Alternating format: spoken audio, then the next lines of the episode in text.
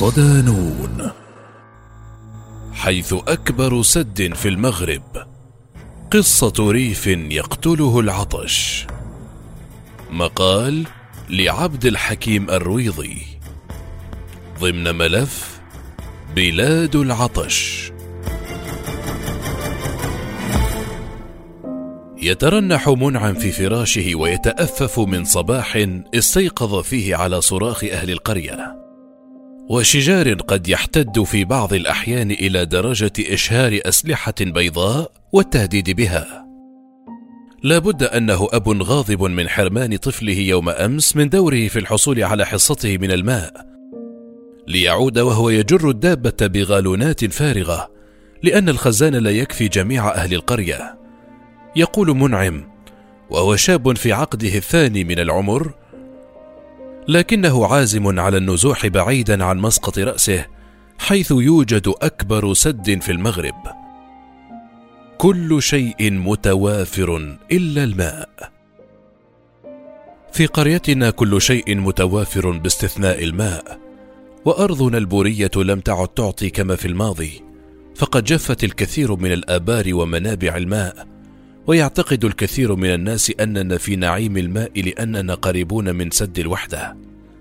يحكي الشاب بأسف شديد إلى نون بوست عن مخاوفه من ارتفاع درجة الحرارة عن المتوسط المعتاد وعدم انتظام هطول الأمطار وغيرها من أعراض التغيرات المناخية التي باتت تهدد استقرار عيش الأهالي وترغمهم على النزوح نحو هوامش المدن. حيث تنعدم شروط العيش الكريم. حتى إن وصلت باكرا لتحصل على دورك ضمن أوائل الناس الذين سيرتوون من الخزان لن تحصل عليه. وسيضيع وسط الفوضى وجنون العطش. مع الشروق تكون الغالونات والبراميل متوسطة الحجم موضوعة في ساحة يجتمع فيها أهالي القرية العرقوب.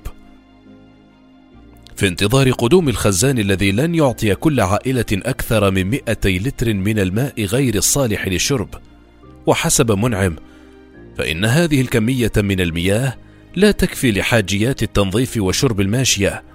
أما النباتات فقد لفحتها الشمس وقتلها العطش ولا يتبقى لها أي قطرة ماء.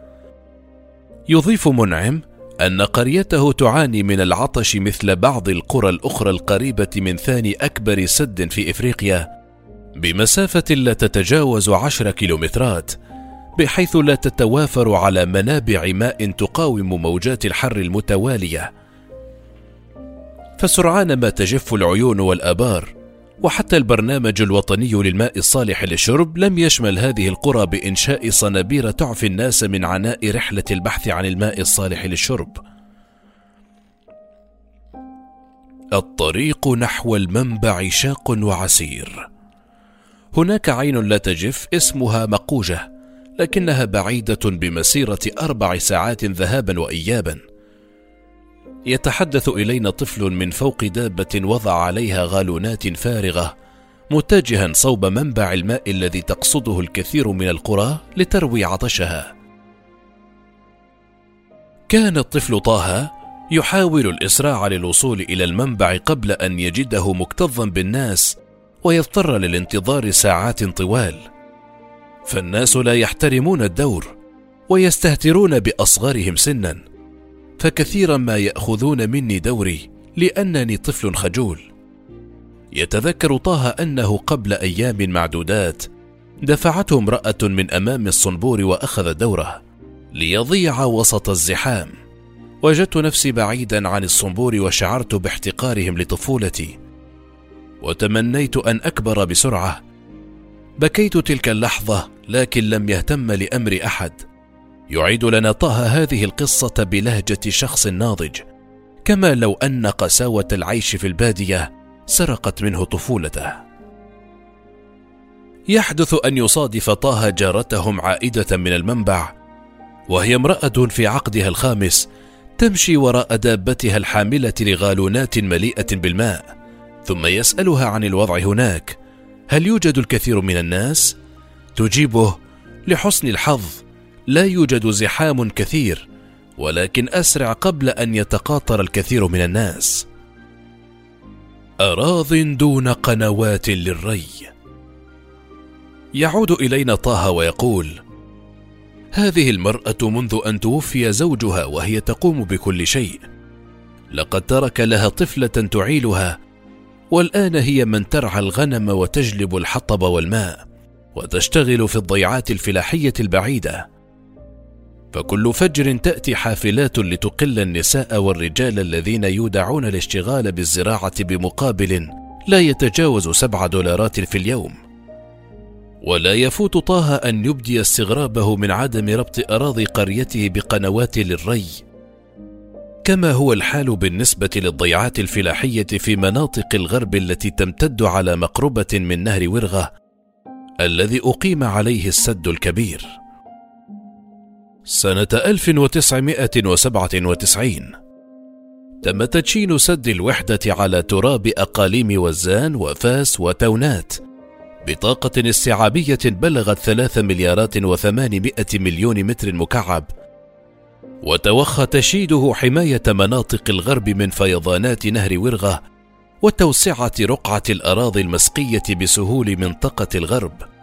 فضلا عن توليد الطاقة الكهرومائية وكان الملك الراحل الحسن الثاني من أمر ببنائه حيث لقب بباني السدود لاهتمامه المبكر بالماء وشهد عهده تشييد 125 سدا كبيرا بينما تضم المملكة حاليا 140 سدا كبيرا و250 من السدود الصغرى وعددا من السدود الأخرى المبرمج تشييدها مستقبلا.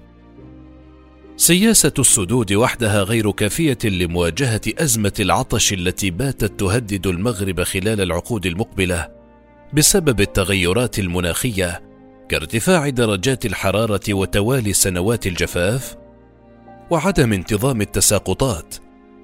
إذ إن الحكومة المغربية ملزمة بالبحث عن بدائل كإقامة محطات لتحلية مياه البحر رغم تكلفتها الباهظة فضلا عن وضع قوانين وتطبيقها من أجل الحفاظ على المياه الجوفية من الاستنزاف المفرط. نصيب الفرد من الماء في تراجع. حذرت منظمة الأغذية والزراعة ألفاو من الإفراط في استخراج أكثر من نصف المياه الجوفية في المغرب، الذي أدى إلى تراجع مستمر في منسوب هذه المياه التي تدار بأنماط غير مستدامة.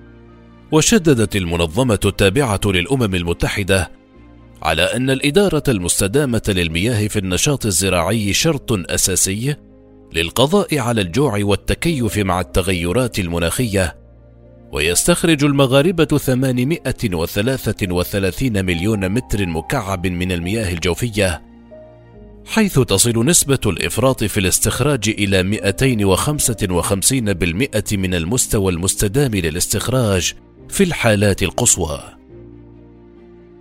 التوزيع المتباين لمصادر المياه في المغرب يجعل العديد من الجهات عرضة للفقر المائي، وتتزايد حدة هذا الخطر بمقدار نقص مصادر المياه من آبار وأنهار ومياه جوفية، مما يؤثر على قدرة تلبية الناس لحاجياتهم من الماء.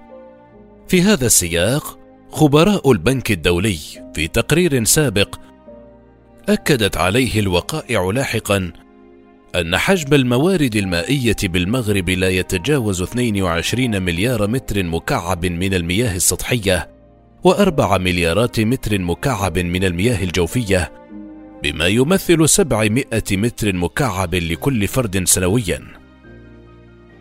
لكن هذه الحصة مرشحة للانخفاض إلى 500 متر مكعب سنويا في 2030 وإلى أقل من 350 متر مكعب مع مطلع سنة 2050 مع سيل التحذيرات هذا حل الخريف وتناثرت حبات الماء بهدوء لتبعث راحة الأرض الجافة. ثم تكاثفت قطرات أول المطر لتغسل أوراق الشجر من الغبار وبيض الحشرات وبصق الطيور. وتطلع الناس إلى السماء وفي قلوبهم المغمومة بهجة وأمل بنهايه موسم العطش ولو إلى حين.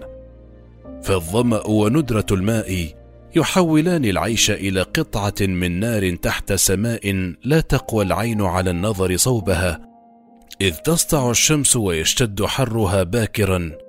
وخزان الماء قد نفد وعاد أدراجه ليعود في اليوم الموالي. وربما لا يعود في بعض الأحيان.